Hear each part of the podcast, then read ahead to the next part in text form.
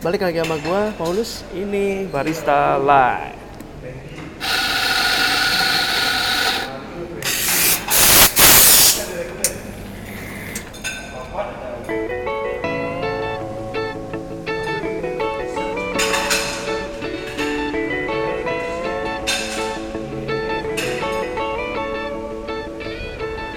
Hai semuanya, kalian lagi dengerin podcast Barista Live. Nah, tadi intronya gimana? Ada suara-suara mesin mesin kopi gitu ya. Kebetulan ini gue lagi ada di acara di Nusa Dua di Bali. Ini ada acara voice gitu. Eh, Finding Scientific Answer 21 Century Challenge for Family, Community and Public Policy. Nah ini yang ngadain eh, ada salah satu dari PBB lah Unis UNICEF, UNICEF. Jadi tentang pelindungan anak gitu. Nah kebetulan gue lagi buka eh, surfing untuk kopinya untuk mereka. Makanya kenapa tadi ada intro, ada mesin kopinya gitu. ini kebetulan mereka lagi meeting, jadi gue lagi free nih. Nah sorry banget dari kemarin gue belum sempet upload upload yang baru ya soalnya asli minggu kemarin gue sibuk eh, sibuk banget nyiapin ini tuh buat di sini gitu nah kebetulan ini ada temen gue yang mau buka coffee shop nah sekarang temanya adalah eh, sebenarnya gue gak akan nanya-nanya dia ya ma- ma- malah dia yang bakal nanya-nanya gue tentang dia mau buka coffee shop nih gimana cara dari awal dia ceritanya mau konsultasi lah ceritanya jadi di sini nggak akan ada sesi pertanyaan. Ya dari dia lah pertanyaannya dari dia. Jadi di sini gue cuma ngejawab aja sih. Kita sharing-sharing aja.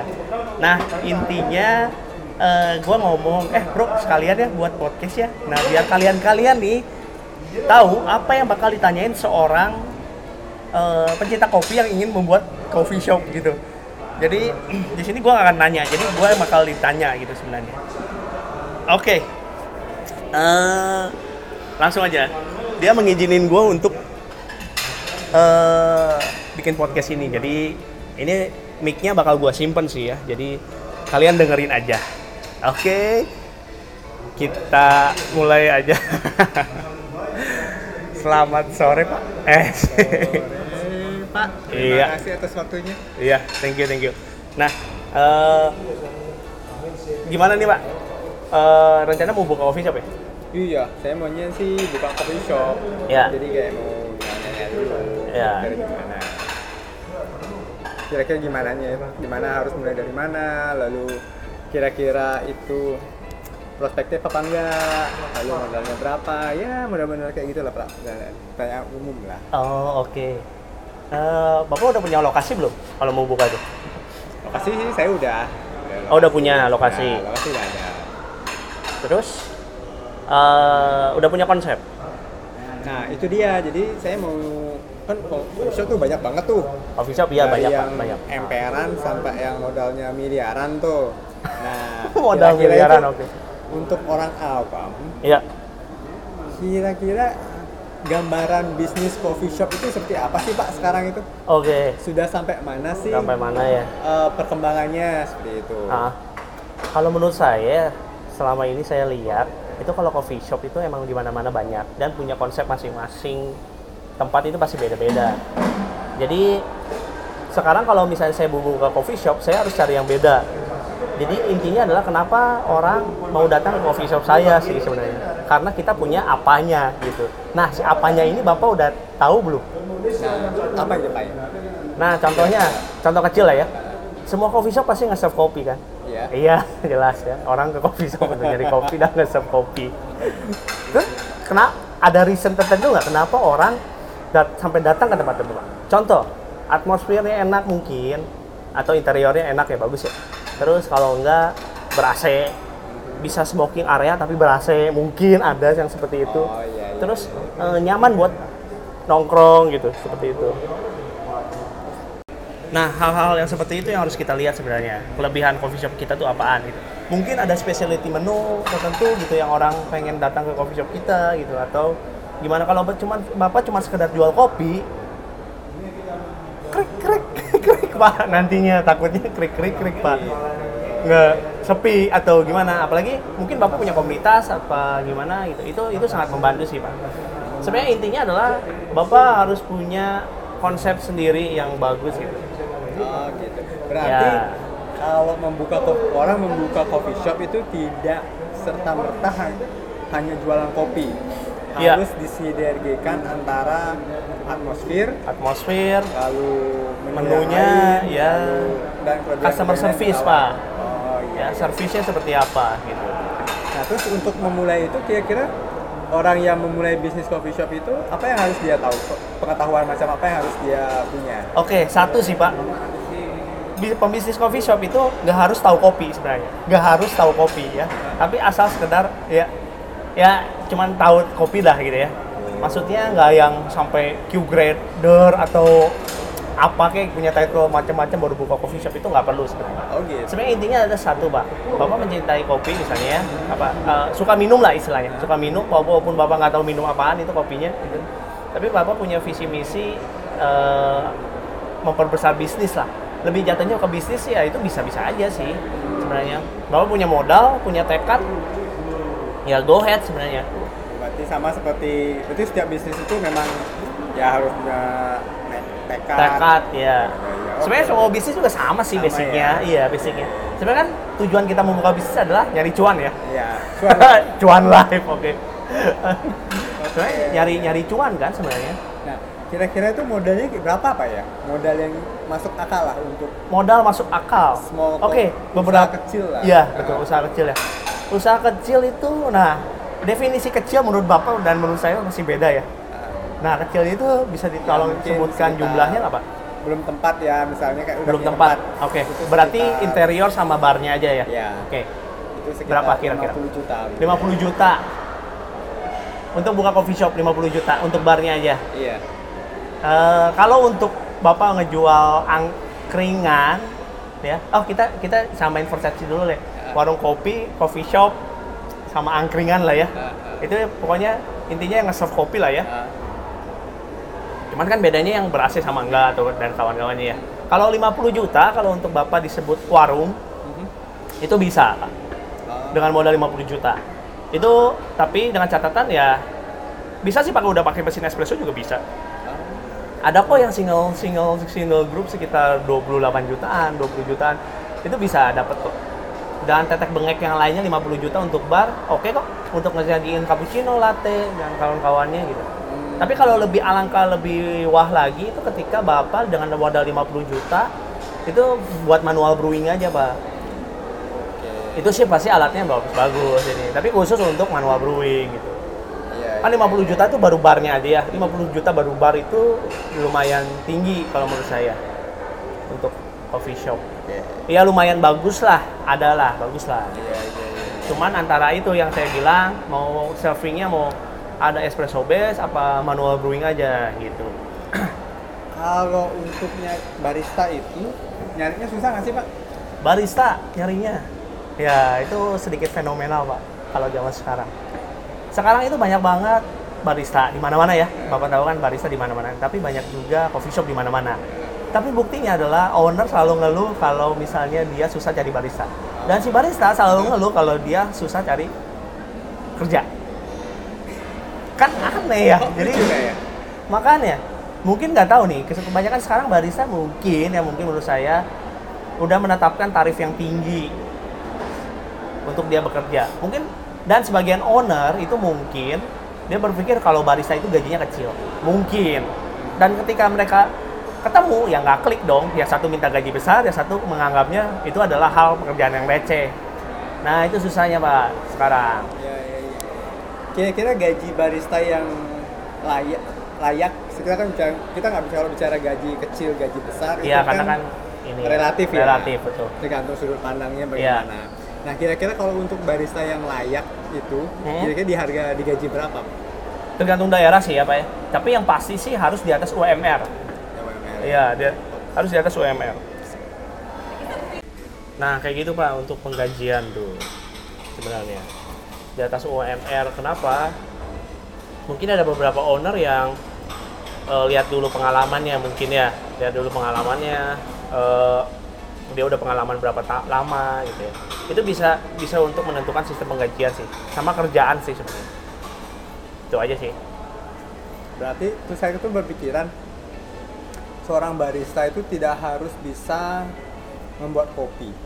Tapi menurut saya dia juga harus berinteraksi dengan iya jelas Pak. konsumen, jelas jelas lalu ramah dan sebagainya. Iya, Jadi iya. ibaratnya dia itu sebenarnya walaupun memang dia cuma tugasnya bikin kopi, Ah. cuman dia juga harus bersosialisasi juga karena kadang di Indonesia ini orang nyajiin kopi itu bukan sebatas nyajiin kopi aja tapi ada something yang menurut Iya. saya itu harus ada di barista sebab kalau misalnya saya ke coffee shop yang bagus nih ya Uh, contoh lah di daerah Jalan Merdeka di Iya. Non itu itu banyak banget coffee shop. Ada satu coffee shop itu yang baristanya itu sampai hafal nama nama, Wah, itu bagus lalu, banget, uh, kesukaannya Iya, gitu. iya. Jadi yang biasa ya, ya gitu. Ya. Nah, Bapak udah dengar podcast saya yang tentang ini belum, Pak? Tentang pekerjaan barista. nah, itu saya Eh, saya uh. ngebahas itu tentang seperti itu, Pak. Kalau misalnya barista cuma buat kopi, Mhm. bentar lagi itu zaman robot, Pak. Dia Ah. dengan mudahnya diganti sama robot. Ya gitu. kayak di bawah mesin di bawah Iya, gitu, Pak ya. tinggal pencet doang gitu kan. Jadi buat apa gitu? Buat Iya, apa barista? Sih. Mungkin sekarang mesin-mesin otomatis gitu rasa kopinya kurang bagus ya. Mungkin ya. Tapi gitu lama juga. kelamaan mungkin aja rasa kopinya bisa menyamai. Iya, betul. Nah, Iya, makanya kenapa ada adanya barista di bar? Karena barista itu jembatan antara produk dengan customer, Pak. Dia jembatannya. Berarti bisa dikatakan barista itu adalah jantungnya coffee shop ya. Betul. Saya bisa bilang kalau barista itu jantungnya coffee shop, Pak. Kalau Bapak punya barista yang bagus, Mhm. ya coffee shop Bapak juga bakal bagus sih. Oh, I see. Iya, iya. Nah, cuman kalau misalnya untuk hiring pegawai, Mhm.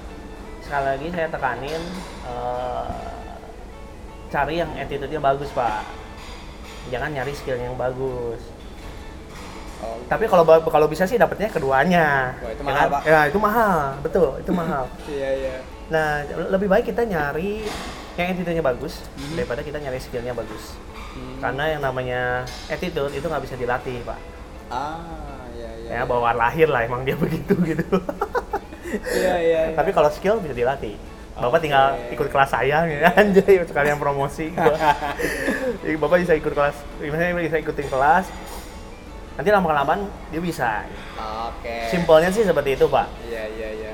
Berarti sebetulnya coffee shop itu ibarat tidak hanya jadi kalau saya simpulin itu bikin coffee shop itu tidak sebatas jual kopi, Ya. tapi menyatukan antara konsep lalu uh, pas, ma- pa- pangsa pasar juga Pangsa masuk, pasar. kan? Iya, iya pasti, Pak. Iya, iya, iya. Marketnya. Terus Pak, Ya. kalau inovasi di coffee shop itu apa ya Pak ya? Maksudnya kok minumannya itu yang di di macam-macamin Ya. atau ada teman minum kopinya itu yang dimacam-macamin atau gimana? Atau bisa dikombin dua-duanya tergantung dari Kalau kebutuhan? kalau inovasi untuk coffee shop, Pak ya. eh, sebenarnya yang namanya inovasi kan berarti menciptakan sesuatu yang berbeda lagi ya. Iya. Bukan yang hal yang sama lagi. Kalau misalnya inovasi di coffee shop itu bisa dari promosi, bisa dari atmosfer Bapak, Bapak rubah, Hmm, desain barnya Bapak rubah, mungkin dua tahun sekali Bapak rubah. Ah. Terus menunya Bapak rubah, promosi-promosi seperti itu sih Pak sebenarnya.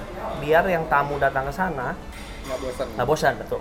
Tapi bukan berarti tiap oh waktu itu saya pernah ketemu Pak Mhm. yang konsultan yang pengen konsultan sama saya, gitu ya, Mhm. pengen konsultasi sama saya. Mhm. Dia nanya, "E, bang, gue pengennya itu tiap satu bulan sekali gue ganti konsep. Edan kata gue. Sebulan sekali. Sebulan sekali ganti konsep. Duitnya banyak. Gila, duitnya banyak tuh berarti. Terus ngapain buka coffee shop, bro? Kalau duitnya banyak. Oh iya Pak, satu lagi Pak. Tahan dulu pak. Nah Oh, yang, iya. ini, Ah, yang ini lanjut. Terus eh, saya ngomong kalau misalnya satu, satu bulan sekali lu ganti konsep, orang baru tuh bakal bingung karena baru datang ini udah rubah lagi. Terus pas dilihat, loh kok udah rubah lagi? Yang kemarin ke mana? Nah Hmm. itu kan ngabisin duit juga udah pasti. Iya iya iya. iya. Kalau duit banyak ya ya ngapain buka coffee shop pak? Iya iya. Nah Pak, nanti yang tadi nih Pak. Oke. Kalau misalnya nih Ya. bapak dikasih uang nggak terbatas lah untuk buka coffee shop kira-kira bapak akan bikin coffee shop yang kayak gimana kan mesinnya tuh ada macam-macam tuh ada yang dari ratusan juta, Juta, ya betul. sampai yang Ya. single digit Ya. gitu kan ada yang tempatnya tuh wah banget lah pokoknya jadi kayak Ya. benar-benar top lah Top lah. Oke. Kalau saya dikasih punya uang sebanyak itu, saya nggak akan buka coffee shop, Pak. Loh, kenapa gitu pak bapak kan gitu Nggak akan buka coffee shop, Pak. Mendingan saya buka kos-kosan, ya. Beli tanah, beli emas, ya. Investasinya mendingan saya seperti itu, Pak. Terus eh, mungkin saya buka pom bensin, mungkin ya. Kalau gitu pak saya nggak akan ke coffee shop. Kenapa? Karena untuk running coffee shop itu eh, butuh effort pertama, butuh keyakinan yang tinggi, terus dan uang perputaran uangnya itu menurut saya nggak kencang kalau di coffee shop. Sekarang eh, saya tanya, selama ini bapak punya teman mungkin ya atau gimana? eh, ada nggak sih orang yang buka coffee shop itu sampai tajir mampus lah, melintir gitu tajir. kalau orang tajir mampus buka coffee shop ada. Orang orang orang Tapi tajir orang mampus tajir buka mampus- coffee shop ada, tapi orang dari orang biasa buka coffee shop sampai tajir mampus? Mungkin ada tapi saya nggak tahu. Saya nggak tahu. Tapi ada sih sa- salah satu produk. Produk kopi juga tapi nggak begitu juga sih. Iya iya iya iya. Bukan coffee shop lah ya. iya iya iya. Jadi dia cuman nges buka buka coffee shop cuma nge-serve coffee sama light meal sama apa meal ya pokoknya eh, makanan lah. Hah? Itu bisa tajir melintir. Ada nggak kira-kira? Eh, kayaknya sih saya nggak tahu ya maksudnya oke. mungkin di seluruh di bagian dunia mana mungkin ada Mungkin ada. Mungkin Iya. ada, Tapi... tapi- yang pasti orang tajir buka coffee shop banyak. Tapi orang orang Tajir gara-gara orang coffee tajir gara-gara buka coffee shop mungkin perbandingannya ya dua ba- tiga banding seribu lah mungkin mungkin ya. Kita doakan mungkin. penonton eh pendengar iya. ada yang tiga itu. Iya ada yang tiga itu ya oh gitu pak ya. Jadi karena iya eh, saya punya beberapa banyak orang juga yang mereka itu pada buka coffee shop itu karena ini yang orang-orang tajir nih ya. Mereka tuh bukan nyari untung pak. Tapi mereka nyari tempat biar mereka bisa nongkrong. Teman-temannya bisa nongkrong dan kebanyakan itu sekarang prestis pak. Eh bro gue punya coffee shop nih. Ah, di A. Tapi kalau liatin cash flow-nya di sana sedih pak. Utang di mana-mana gitu. Ah, jadi ah gimana ya? Kebanyakan orang tuh sekarang latah sama coffee shop. Lagi punya duit sedikit buka coffee shop. Terus dibangga banggain coffee shopnya Eh, ini gue punya coffee shop bro di sini nih gini. kalau misalnya dia nggak punya visi misi yang bagus ya paling gue yakin sih 3 sampai 4 tahun juga udah tutup pak gitu Iya. Nah itulah yang menurut saya, menurut saya itu seperti itu sih pak kalau coffee shop. Kalau saya dikasih uang banyak, saya nggak akan buka coffee shop pak. Saya mendingan buka kos kosan. Udah jelas duitnya per bulan berapa. Coffee shop, bapak memerlukan inovasi, konsistensi, effort untuk menghasilkan duit. Saya buka kosan, buat kos, saya buat punya kos kosan, saya tidak memerlukan itu pak. Ah, iya, Cuman iya, tidur iya. di rumah, tiap bulan saya dapat. Ayo. Bensin sekalian pak ya Iya. Bensin sekalian ya Pom bensin sekalian. Udah jelas duitnya per bulan dapat berapa. Coffee shop emang jelas dapat per bulannya berapa. iya sih Musiman, ingat, ya kan? Terus banyaknya coffee shop. Ini sorry, gua bukannya gimana-gimana buat pendengar bersalah. Bukan gua nggak nyuruh kalian buka apa buat coffee shop juga, nggak jangan buat coffee shop juga gitu ya. Tapi mungkin ada beberapa segelintir orang yang mencintai banget mereka buka coffee dan bisa hidup dengan itu gitu dengan catatan bisa hidup dengan itu bukan artinya bukan kipas-kipas duit dengan coffee shop itu gitu. Oh, beda ya? beda beda. Hidup dengan kipas-kipas duit oh, beda, Ya, ya, seperti itu pak. Itu gambarannya lah sedikit lah.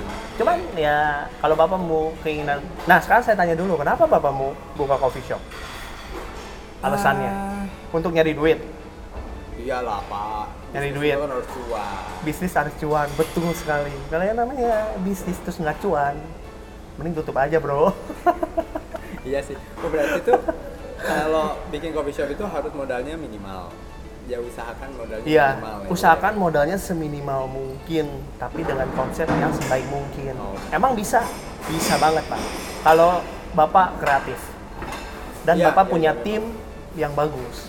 oke berarti Jadi sebenarnya bapak kalau mau buka coffee shop itu jangan sendirian pak, itu susah. Bapak harus grup lah, minimal itu berdua. Tapi jangan banyak banget. Dan maksimal menurut saya itu bertiga. itu kerja semua di sana? Itu kerja semua. Meluangkan pikiran tenaga waktu di sana. Itu bakal sukses besar. Tapi dengan visi misi yang sama. Nah problemnya sekarang susah nyari orang yang bisa klik. Bener nggak? Tiga Iya. orang. Menyatukan tiga kepala yang berbeda dalam satu rumah itu susah nah seperti itu sih pak. Oh, jadi bapak kalau punya teman jadikan partner itu sebagai ya, partner bapak untuk membuka usaha itu. Selain semakin bisa berkembang tiap tahunnya dua pikiran pasti mempunyai pemikiran yang beda inovasi Asalkan yang berbeda. visi. asalkan satu visi. Iya betul iya pak. iya. Misi bisa Seperti berubah tapi visi jangan berubah. Iya, visi jangan berubah, misi bisa berubah, Iya, gitu. wah berarti saya harus ulang menghitung-hitung lagi ulang lagi pak ya. Ya, ngitung bikin ulang. shop. Saya mau tahu pak, bapak mau buka coffee shop tuh dengan modal berapa sih? seminimal mungkin lah pak Tadinya, Ya, sebelum sih, sebelum ini ya sekitar lima lima lah 55 juta. 55 juta karena tempat Iya. sudah ada Tempat udah jadi ada. tinggal mungkin mesin mesin espresso satu Ah. dan ya yang lain-lain sebagainya sama meja seadanya Oke. ya gitu tinggal cuman ya itu saya pikir cuman sediain cappuccino latte Ya, white, standar lah ya. black, ya standar Ya. gitu dan memakai biji ya mengambil biji-biji yang lumayan populer yang Ya. populer lah Iya, iya. gitu jadi menarik gitu berarti itu itu aja nggak cukup pak ya harus ditambahkan dengan Itu aja nggak cukup. kreativitas betul. kreativitas kreativitas lainnya ya. Iya, betul. oke Menurut saya sih seperti itu. Jangan sampai kita latah aja. Latah terhadap hal yang sama. iya iya iya Di ujung-ujungnya juga ya nggak cuan nanti, malah utang yang banyak. iya. Ah, cicilan. Cicilan ya kan ada kur gitu ya. Ya kecuali kalau bapak anaknya Bill Gates gitu ya. Mau buka coffee shop cuman buat iseng ya wah go ahead pak. Saya mah nggak masalah. Kayak ini pak ya digratisin ya. Kayak ini gratis. Oke deh pak. Apalagi nih kira-kira? cukup sih Cukup ya? itu cukup bisa membuat saya agak mengerem sedikit dan menghitung ulang. Menghitung lagi. ulang oke. Iya sih itu aja sih sebenarnya. Problem utamanya sebenarnya kalau buka coffee shop tuh nyari pegawai kecuali kalau misalnya bapak mau terjun sendiri. Ya itu meminimalisir nah makanya kenapa saya sebut coffee shop itu cash apa perputaran uangnya kecil itu ya itu pak. Jadi bapak jangan berpikir kalau untung itu cuma dari materi tapi harus dilihat dari effortnya bapak terhadap pekerjaan itu gitu. Hmm. Contoh misalnya bapak capeknya segimana itu nggak nggak worth it lah buat dapat duit segitu. Nah kayak gitu kan sebenarnya nggak banyak orang yang menghitung itu. Tentang waktu tenaga itu mereka nggak masukin ke hitungan modal pak. Sebenarnya itu modal juga. Seperti itu. Jadi misalnya saya kerja dari jam 12 malam sampai jam 12 malam cuma menghasilkan eh, satu juta. Sedangkan teman saya dari jam 12 malam sampai jam 12 eh jam 12 malam sampai jam 8 malam mhm. itu cuman eh, dapatnya 800 ribu. Beda beda 4 jam sama saya cuma dapat satu juta. Nah seperti itulah. Ah. capeknya apa gimana nya nah itu kadang mereka nggak nggak nggak hitung mbak itu. Ah, iya iya iya. Sip sip sip. Oke deh pak. Terima kasih atas ilmunya. Oke itu aja pak. Ya itu aja Yang mau dulu. ditanya, nanti iya. ditanya macam-macam tambah Siap. nggak jadi-jadi saya buka Sama nggak jadi-jadi betul. Ini saya pernah dengar kata-kata Bob Sadino pak. Jadi kayak misalnya, eh, aduh disuruh usaha nih. Aduh gua nggak punya duit nih. Ketika dikasih duit, aduh gua bingung nih mau buat apa. Ketika udah dikasih udah dikasih konsep, aduh pemasarannya gimana ya marketingnya? Gue rugi apa untung? Nah kayak gitu pak orangnya kata Bob Sadino sih mati aja orang kayak gitu pak. makanya biar biar nggak dibilangin mati iya iya. saya stop dulu pak Nah iya iya. nanti kalau mau tanya-tanya yang lain pendengar yang mau tanya-tanya lebih detail bisa hubungi langsung Iya. Paulusnya Iya. karena kalau saya sih personal kalau diomongin terlalu detail saya Ah. malah takut Takut ya. Iya. Tapi kalau ada yang punya keberanian untuk tahu lebih detail, Iya. ya mungkin bisa hubungi langsung. Iya iya betul betul betul. oke lah gitu saja pak ya perbincangannya Eh, thank you banget yang udah dengerin di episode kali ini di podcast Barista Live. Jangan buka coffee shop ntar rugi